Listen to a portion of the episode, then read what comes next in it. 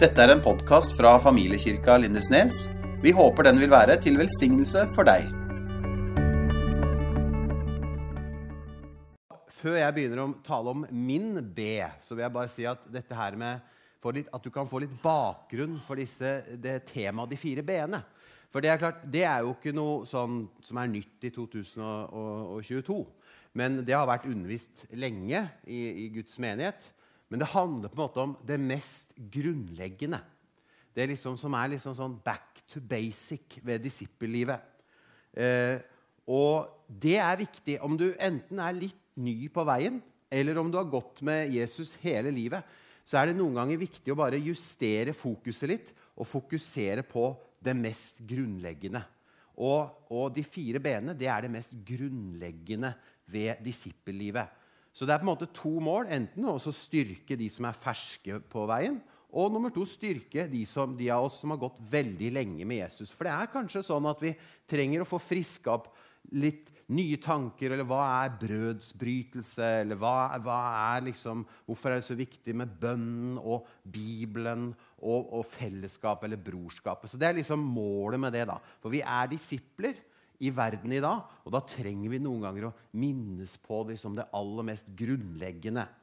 Og, så det er litt sånn back to basic og tilbake liksom, til det grunnleggende. Og vi skal helt tilbake til urkirken, helt tilbake til den første menighet, for å finne hvor disse, dette konseptet eller den ideen om de fire b-ene kommer fra. For det har man henta fra det verset her. Og Det er fra Apostlenes gjerninger 2 og, og, og vers 42, eh, der det står at det er den første menigheten. da. De holdt seg trofast til apostlenes lære. Det er Bibelen. Det er den ene B-en. Og fellesskapet. Det er brorskapet. Til brødsbrytelsen og bønnene. Her har du de fire b-er. Så det er ikke noe sånn norsk konsept. Eller kanskje det er noen i Norge som har kommet på akkurat det de fire ber. Men det er fra Apostlenes gjerninger 2, kapittel 42. Apostlenes lære, Bibelen, fellesskapet, brorskap, brødsbrytelsen og bønnene. Dette er de fire b-er. Så da fikk du litt, litt sånn bakgrunn for den. Det aller mest grunnleggende tilbake til urkirken. Back to basic.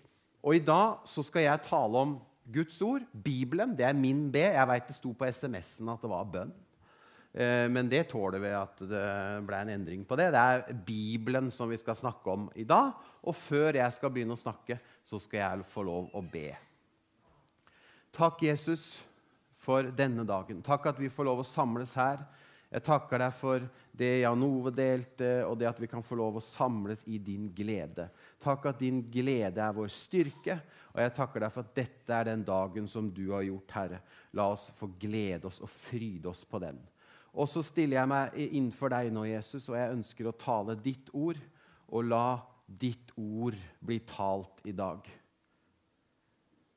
La ditt ord bli talt i dag, og la det komme igjennom. Må du tale til hver enkelt som er her i dag. Må du tale til vår forsamling i dag, Jesus. Takk, Jesus. Vi legger denne stunden i dine hender.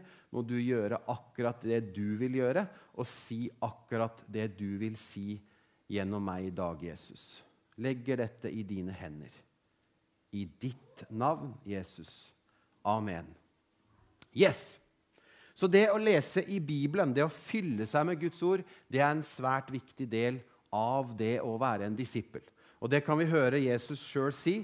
At han sier at Jesus sa da til de jødene som var kommet til tro på ham Dette er jo folk som er litt sånn ferske på veien. sant? De har kommet til tro på Jesus, og så sier Jesus, 'Hvis dere blir i mitt ord, er dere virkelig mine disipler.' Så hvis du tenker at jeg, ja, yes, jeg er en disippel av Jesus, ja, da bli i Guds ord. sant? Og det å bli i ordet, det handler jo om at ja, da må vi jo fylle oss med det, da på et eller annet vis. Hvordan kan du få fylt deg med Guds ord? Og det å få ha noen systemer eller noen vaner der du får lest i Bibelen, det er svært viktig for disippellivet. Det sier Jesus her. Det å bli i ordet. Og det å bli i ordet, det er jo litt mer også enn bare å lese det, da. Altså Det er jo kraft i Guds ord, så når du leser det, så skjer det noe. da. Det er jo levende, Guds ord. Men det å bli i ordet, det er litt mer også ofte lese. Ha en vane med å lese. Ha en vane med å fylle deg med det, og så leve det ut. At ikke det blir bare noe du hører, men også noe du gjør. Noe som er en del av livet ditt. Så det å bli i Guds ord, det å lese, ha gode vaner på det, det er svært viktig når du er en disippel av Jesus. Så det er bra. Og I dag så skal jeg ha et fokus i min tale. Eh, og det er rett og slett Ok, vi hører nå at det er viktig å lese Guds ord. Det har du hørt før òg. Eh, det skal ikke gå lenge som kristen før du får høre noen si at det er viktig. Eh, og det er viktig, det. Eh, og det er bra. Men så er fokuset mitt i dag dette her. Hvordan kan vi stole på Guds ord? Hvordan kan vi ha tillit til Guds ord? Hvorfor kan jeg stole på det? For én ting er at det står i Bibelen at dette er Guds ord. Bibelen sjøl sier det. Men hvordan kan jeg egentlig stole på den boka her? Og det er fokuset mitt i dag. Hvordan kan vi stole på Guds ord? Og la meg bare, Det er noen unge mennesker i salen her som sikkert er vant til å levere oppgaver. Og når du skal levere oppgave, så må du ha kildehenvisning. Så jeg skal bare begynne med en gang å komme med en kildehenvisning til hvor jeg har fått dette fra. Bare så, jeg må bare si det, for jeg har fått det fra noe Uh, og det er Den kilden jeg har fått det fra, heter Rick Warren og Saddleback Church. Nå bare sa jeg det. Den, det fokuset mitt i dag, det jeg har henta det ut ifra, heter Rick Warren og Saddleback Church. Jeg måtte bare få det ut først. Bare så jeg har mitt på det rene, så du ikke tror at Morten har liksom studert i fire år før denne talen. her, For det er, det er, veldig mye som er veldig bra. så det kan jo være bra for det, da. Så, så, så det, det, er bra. Men nå har jeg sagt eh, kilden. Og så er vi i gang. Jeg måtte ha det på det rene. Skal vi se her. Da ser vi i 2. Timotius brev, kapittel 3 og vers 16. Her står det hver bok i Skriften, altså Bibelen, er innblåst av Gud. Det står det. Så her forteller Bibelen oss at Bibelen, det er Guds ord. Det er innblåst av Gud. Og hva betyr innblåst? Altså Når du hører jeg snakke nå, så har jeg først pusta inn, og så kommer min pust ut igjen via mine stemmebånd. Da blir det til ord. Så pust går via mine stemmebånd, og så blir det til ord. Så pust blir til ord. Skriften er innblåst av Gud. Dette er Guds pust som har blitt til Guds ord. Så dette er ikke bare en bok der det er en haug av forfattere som, som måtte ha vært veldig inspirert en dag og skrev liksom noe greier. Nei, det er Guds pust. Hans pust ble til ord, og her står de. Så det, det er ganske stort. Så det, det, er Guds pust som blir til ord. Og i Bibelen, i Salme 119, vers 86, så står det 'Pålitelige er alle dine bud'. Så Guds ord, det er pålitelig. Det er innblåst av Gud og pålitelig. Så det er jo, Men det igjen, det som jeg sa, det er jo det Bibelen sjøl sier. Men én ting er å tenke at ja, Bibelen sjøl sier det. Det er jo sikkert mange andre bøker også som, som sier at dette er liksom det du skal følge. Men kan jeg få enda mer tro på Bibelen enn bare at Bibelen sjøl sier det? Vi går videre. I Johannes' åpenbaring kapittel 21 så står det også dette her. Skriv det ned, for dette er troverdige og sanne ord. Bibelen sjøl kaller det det. Troverdige og sanne ord. Men hvordan kan jeg vite det? Kan jeg ha noe mer grunn til å tro på Guds ord enn at Guds ord sjøl sier det. Og da har jeg tre punkter jeg vil komme med til deg i dag, som vil gi deg enda større tillit til Guds ord enn bare det Guds ord sjøl sier. Og for det første så står det i Hebreerne kapittel 6, vers 18, at Gud kan ikke lyve. Det er litt viktig å, huske på. For mange liksom sånn, Ofte i sånne samtaler og, og sånn så, ja, Gud, Er det noe Gud ikke kan? Han er jo allmektig. Det må være noen Gud ikke kan. Og det er faktisk flere ting Gud ikke kan. Og det ene er det her. Han kan ikke ljuge. Det går ikke. Gud kan ikke fornekte seg sjøl, og han kan ikke ljuge. Så da må det være sånn at hvis dette er Guds ord, så kan ikke det være løgn. Hang du med? Men så kan vi se, da. Kan jeg få noe som backer opp akkurat det? Og da skal vi se på de punktene som jeg har. Og det er nemlig det at Guds ord Ikke bare at det står at det er Guds ord, men Guds ord er historisk korrekt.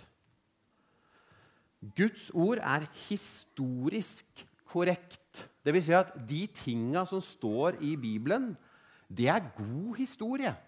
Det er ikke fiksjon. Det er ikke noen som har funnet opp det her. Eller en sånn roman som en skrev i en sånn inspirasjonsøyeblikk. Nei, dette er god historie. Og hvordan vet man om noe er god historie? Jo, en historiker han leiter etter om noe er øyenvitneberetninger. Øyenvitneberetninger er den beste kilden til god historie. Historikeren spør er det øyenvitneberetninger, eller er det noen som har fortalt det til noen som har fortalt det til noen som har fortalt det sånn. Hvor mange ledd er det fra kilden? Er det andre ledd, tredje ledd, eller er det en eller annen legende som en eller annen ble skrevet ned? Bibelen er primært øyenvitneberetninger.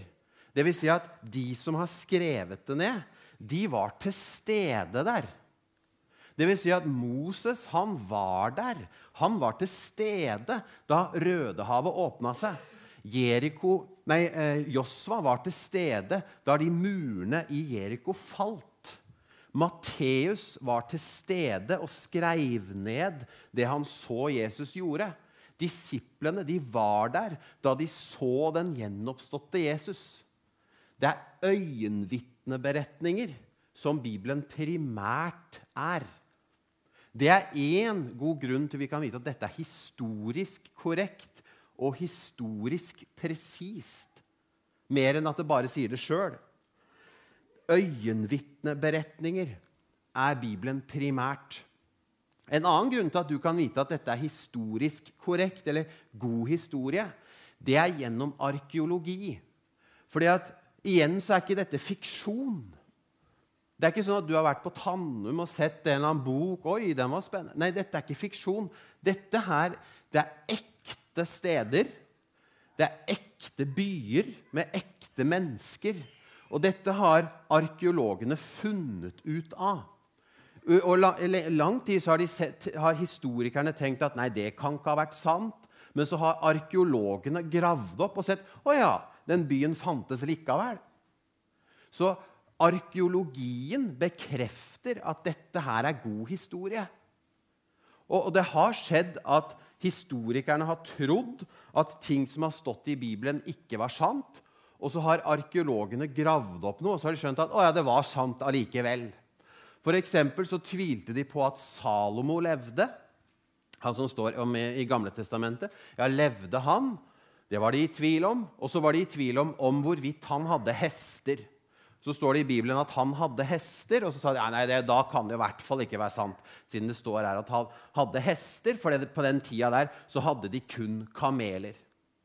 Og så det en, er det en oldtidsby som heter Megiddo, som ligger i dagens Israel så fant de plutselig i en av de byene som hørte til Salomo, det som de fant ut var staller der de hadde hester.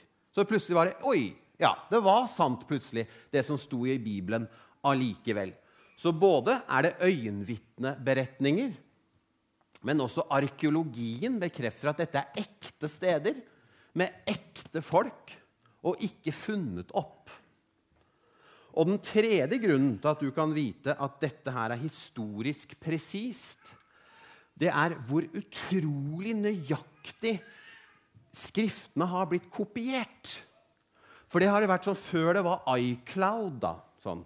før du kunne lagre noe i Dropbox, eller før du kunne ta kopier på, på kopimaskin, så måtte jo disse bokrullene og skriftene de måtte jo kopieres. Og da var det sånn sinnssykt nøye regler på hvordan dette kunne kopieres. For det er jo noen som har sagt at ja, hvorfor tror du på den boka her? Dette har jo blitt overlevert fra generasjon til generasjon. Hvem veit når det skjedde feil? liksom? Sant? Men så hadde det vært enormt nøye regler på hvor mange bokstaver det var, og hvor langt det skulle være mellom sånn. Og hvis noe var feil, så ble det kasta, og så starta de på nytt. Kjempenøye. Og et bevis på dette her var da de fant det som heter Dødehavsrullene. Dødehavsrullene ble funnet nær Dødehavet på jeg tror det var 40-tallet. skal jeg se hva, Det er 40, 1947 til 1956 så ble det funnet 950 bokruller som man har kalt Dødehavsrullene. Og Det var visst noe av det viktigste funnet de hadde på dette her. Og der fant de, eh, Det er de eldste kopiene av det vi kjenner som er Gamletestamentet. Dødehavsrullene. Og da kunne de sjekke, nemlig, for før det, før de hadde Dødehavsrullene, så var de eldste tekstene de hadde da, det var sånn ca. 900 etter Kristus. Det var de eldste tekstene de hadde da. Dødehavsrullene det var ca. 100 år før Kristus. Så da er det faktisk 1000 år, da. Altså De skriftene de hadde, de eldste, var 900 etter eh, Kristus. Så fant de noe som var enda eldre i dødehavsrullene, som var 100 år før Kristus. Så det er et spenn på 1000 år. da. Sant? Henger du med? Så da kunne de sjekke de skriftene de hadde, som var 900 etter eh, Kristus. Så kunne de sjekke de opp mot de skriftene de hadde, som var 100 år før. Altså et 1000 års spenn på den kopieringa. Da har de jo kopiert disse skriftene i 1000 år. Kan du sjekke at ja, da må det ha skjedd mye feil. Altså Folk har sittet og skrevet dette her i 1000 år. Og da fant de at det kun var 5% feil. Og mesteparten av de feila det var på sånn staving av navn og litt sånn steder. og sånn. Så kun 5% feil av 1000 år med kopiering. Tenk på det. Da er det presist, altså. Og det gjør at man kan tenke at yes, det er øyenvitneberetninger. Yes, det er arkeologien som bekrefter det. Og det er kopiert med en enorm nøyaktighet. Så det er ikke så mye som har gått tapt. annet Det meste var at hvordan de stava navnene. Det er ganske fascinerende.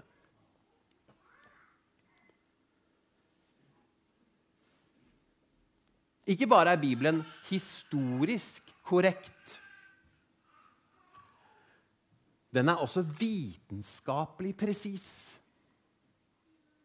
For vi kan bli sånne karismatiske sammenhenger, som er det jo ofte en del følelser. Det er bra. Og noen som sier at, at liksom, yes, dette, dette er Guds kjærlighetsbrev til oss. Det er det! Dette er Guds kjærlighetsbrev. Yes! Det er fullt av poesi, og det er, det er fullt av ting som blir, man rører hjertet på. Yes! Det er bra. Ikke noe feil med det. Men det sånn, jeg synes det var så godt når jeg satte meg inn i dette her, å høre at det er faktisk også historisk korrekt. Og det er også presist når det gjelder vitenskap. For det gjør noe med sånn Ja, da, da tør jeg tro på det enda mer. Og det er litt godt. Liksom sånn, fordi den er faktisk vitenskapelig presis også. En tysk astronom og matematiker, Johannes Kepler, han er den som er kjent for å ha skrevet tre lover som beskriver planetenes bevegelse omkring sola. Johannes Kepler kjent vitenskapsmann. Han sa at vitenskapen, det er å tenke Guds tanker etter at Gud, har tenkt dem først. Vitenskap er å tenke Guds tanker etter at Gud har tenkt de først. Så det er ikke noen motsetning mellom å tro på vitenskapen og det å tro på Gud. Gud har etablert biolog, biologiens lover, og så oppdager vi de etterpå. Gud har etablert fysikkens lover, og så oppdager vi de etterpå. Gud har etablert matematikkens lover, og så oppdager vi de etterpå. Det er ikke noen motsetning med å tenke vitenskap og Gud. Og Det syns jeg er litt sånn godt å tenke på. Og eh, vitenskapen, i motsetning til Guds ord, så vitenskapen den forandrer seg hele tida. Vitenskapsbøker de går ut på dato. Det gjør ikke Guds ord. Altså Ting de trodde på for 1500 år siden, ble plutselig motbevist for 1000 år siden. Og det de trodde for 1000 år siden, ble motbevist for 700 år siden. Og det de trodde for 700 år siden, ble motbevist for 200 år siden. Altså Det er hele tida motbevist vitenskap. Men Guds ord forandrer seg aldri. Vitenskapen den forandrer seg hele tida. Selv sånn legevitenskap. Så tror man, ja, Det er sånn du må gjøre det. Og så plutselig så skjønner de 50 år seinere oi, det var, ikke, det var ikke bra. Så vitenskapen den utvikler seg hele tida. Går ut på dato hele tida. Det gjør ikke Guds ord. Og én ting som var hvordan du kan vite at dette her er vitenskapelig presist, det er alt det som ikke står her. Det hørtes rart ut å si. Altså, Bibelen er jo ikke noen vitenskapsbok. Dette er jo ikke pensum hvis du skal liksom sånn, studere noe vitenskap. Men én ting du kan skjønne at dette her er vitenskapelig presist, er alt hva som ikke står her. Og det skal jeg forklare hva jeg mener med. Fordi på den tida da Bibelen ble skrevet, så var det overalt folk som trodde at jorda er flat. Det trodde man jo kjempelenge, at jorda er flat. Eh, og da kunne man jo tro at hvis dette her var en menneskebok Hvis dette var bare mennesker som hadde skrevet denne boka her, på den tida da alle trodde at jorda var flat, så burde det kommet med i denne boka her at jorda er flat. Det er ikke et eneste sted hvor det står at jorda er flat i denne boka her. For det kom ikke med. Fordi Gud veit at det ikke er sant. Så han lot ikke det komme med i denne boka her. Vi skal se et bibelvers her nå. Her står det i Jesaja 40. Det er mange år siden. 2600 år siden så er dette skrevet. Han troner over jordens krets. Og krets betyr sirkel. Sirkelformet. Så 2600 år siden så fikk Gud dette med i boka står ingen steder i denne boka at jorda er flat. Hvorfor det? Fordi det er ikke sant. Og Da lar ikke Gud det bli med. Men han lar dette bli med for 2600 år siden. Han troner over jordens krets. Så man kan, man kan stole på at Bibelen er vitenskapelig korrekt med alt hva som ikke blei med. Fordi mennesker har trodd veldig lenge veldig mye rart. Og Deler av Bibelen er jo skrevet på gresk. Sant? Veldig mye av Bibelen er skrevet på gresk. Så man skulle jo tro at gresk kultur blei med i den boka da. Og lenge i gresk kultur så trodde man at jorda måtte holdes oppe av noe. Man, man skjønte ikke, man tenkte, Jorda må jo holdes oppe av noe. Og hva er det jorda holdes oppe av? Jo, i gresk kultur så trodde man for mange tusen år siden at det måtte holdes oppe av en kjempe som het Atlas. Det er jo der vi har fått det navnet. da. Hvis du har sett sånn, en sånn jordklode med sånn fyr som står og holder jordkloden sånn, så er det Atlas, den kjempen. Det trodde de i gresk kultur, men det står det ingenting om i Bibelen. Det står ingenting om at noe, en eller annen kjempe som holder jorda oppe. I Egypt, i egyptisk eh, lære det som Moses var opplært i. For han gikk på de beste skolene da han, da han var, uh, var, sønn av farao.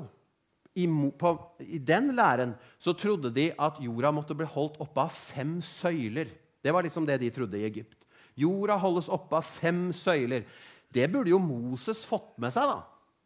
Hvis han gikk på de skolene. Men det står ingenting i Bibelen at jorda er holdt oppe av fem søyler.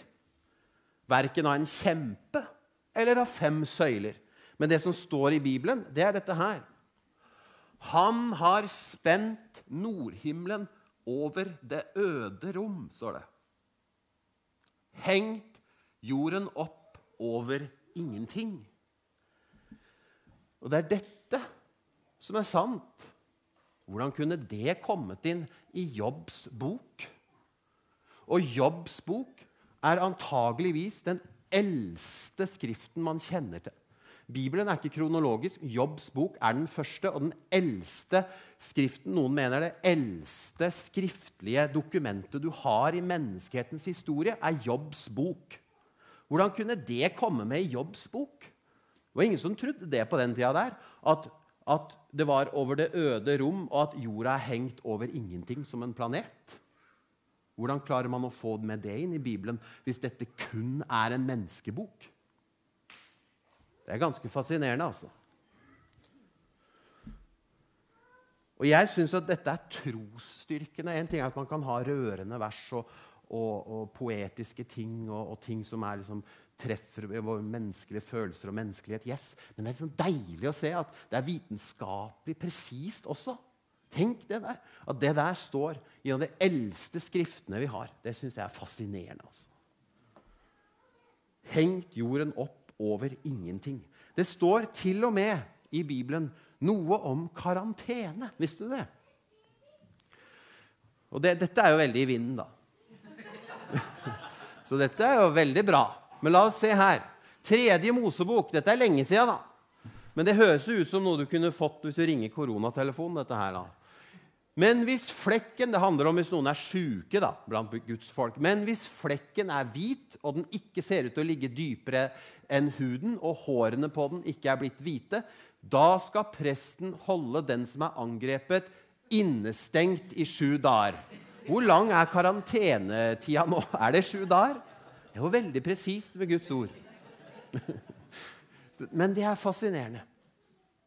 Fordi at svart Svartedauden, svartedøden, det var også en pandemi. Det var litt verre enn den vi har nå.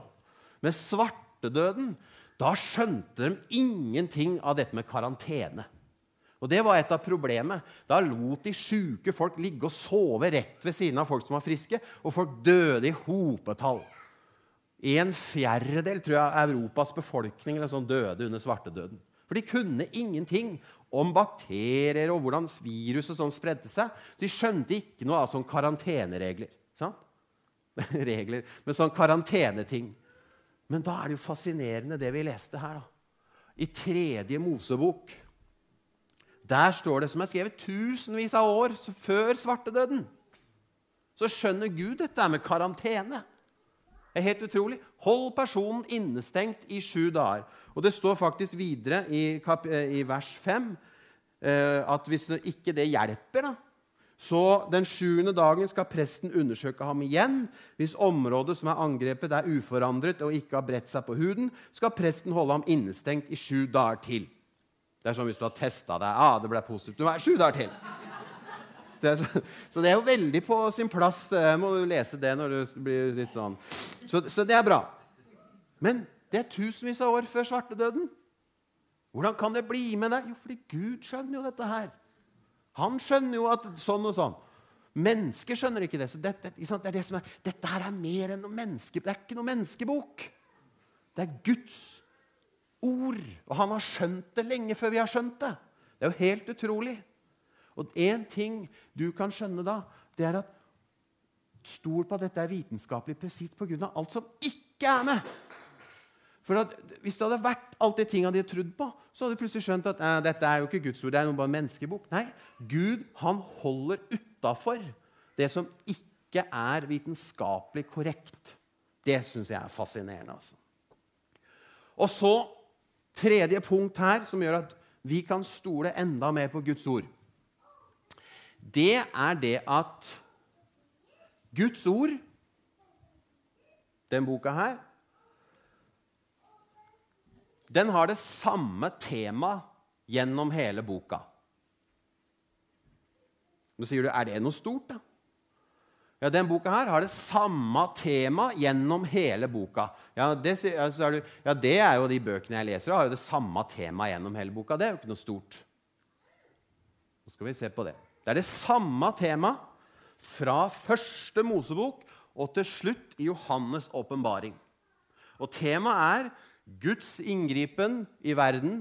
Gud prøver å redde og hjelpe menneskene. Så pekes det mot Jesus. Jesus kommer, Jesus er redningsmannen, og det er slutten. liksom. Det temaet der er gjennom hele boka. Fra start til slutt. Guds inngripen i verden. Gud, Menneskene gjør mye rare ting. Gud prøver å redde dem. Profetiene kommer om Jesus. Jesus kommer, og Johannes' åpenbaring slutter sånn. Det er gjennom hele boka. Er det veldig stort, spør du da? Det er jo, Jeg har lest mange bøker som det er samme tema. Det som er stort med det, det er at den boka her For det første så har ikke alle disse skriftene vært samla alltid. Dette er en haug av skrifter. Og hele den boka her er skrevet over en tidsramme på 1600 år. Av 40 forskjellige forfattere på tre ulike kontinenter med tre forskjellige språk. Da er det ufattelig at det kan ha det samme gjennomgående tema gjennom hele boka. Hvordan er det mulig? Altså, Dette er gamle skrifter, har blitt overlevert hit og dit. 1600 år er tidsspennet på den boka jeg har skrevet. 40 forskjellige forfattere. Tre ulike kontinenter. Tre forskjellige språk. Den boka er skrevet av alle mulige mennesker fra alle mulige samfunnslag. Den er skrevet av folk som satt i fengsel. Den er skrevet av fiskere. Den er skrevet av leger, den er skrevet av profeter, den er skrevet av alle skatteoppkrevere. Alle mulige slags folk har skrevet denne boka over det tidsspennet, og alle har catcha den samme historien.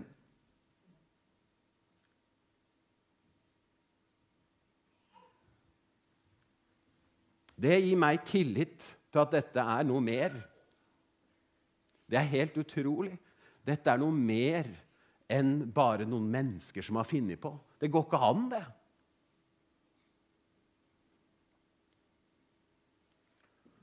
I Lukas kapittel 24, vers 27, så står det om Jesus. Og han, det er Jesus da, han begynte å utlegge for dem det som står om ham i alle skriftene. Nå snakker han om Gamle testamentet, for da hadde de ikke skrevet Nytestamentet ennå. Han la ut om alt som står om han i alle skriftene, helt fra Moses Det er første Mosebok og første, andre, tredje, og helt fram til profetene. Det er samme tema. Sånn er det mulig. Med alle de profetiene, og alle de profetiene det står om i Gamle testamentet. Alt har skjedd. Er det mulig? Det er liksom helt utrolig.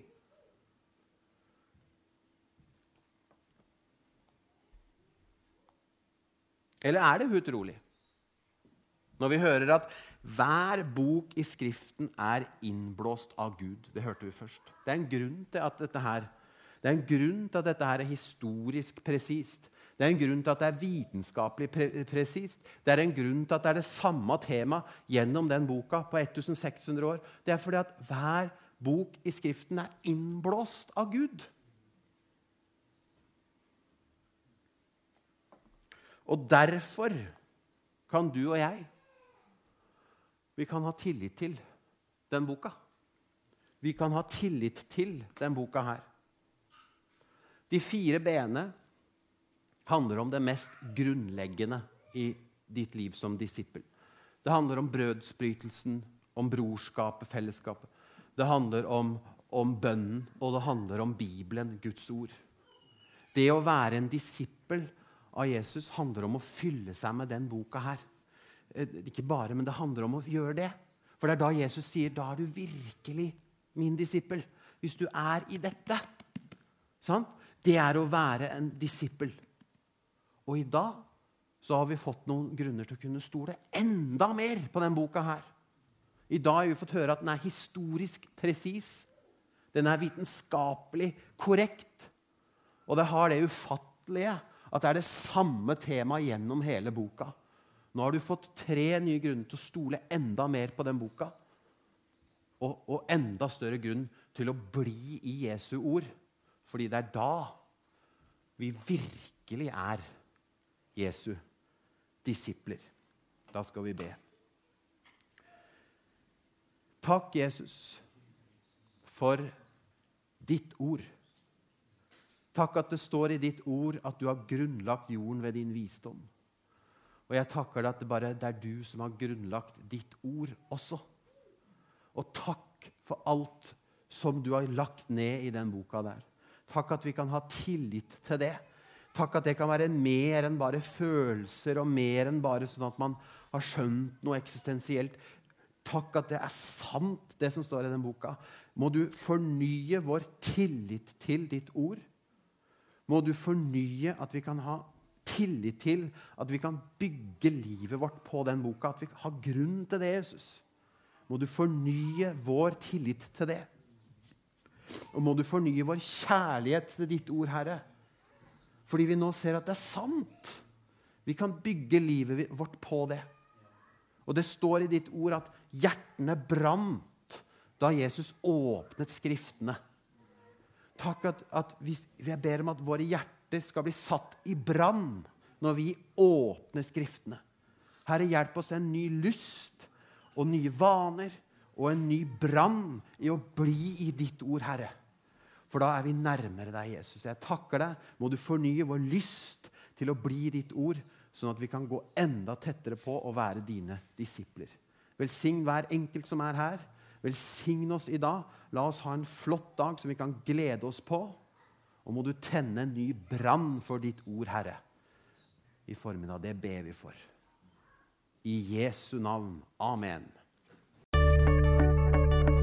Tusen takk for at du hørte på vår podkast. Følg oss gjerne på vår Facebook-side Familiekirka Lindesnes.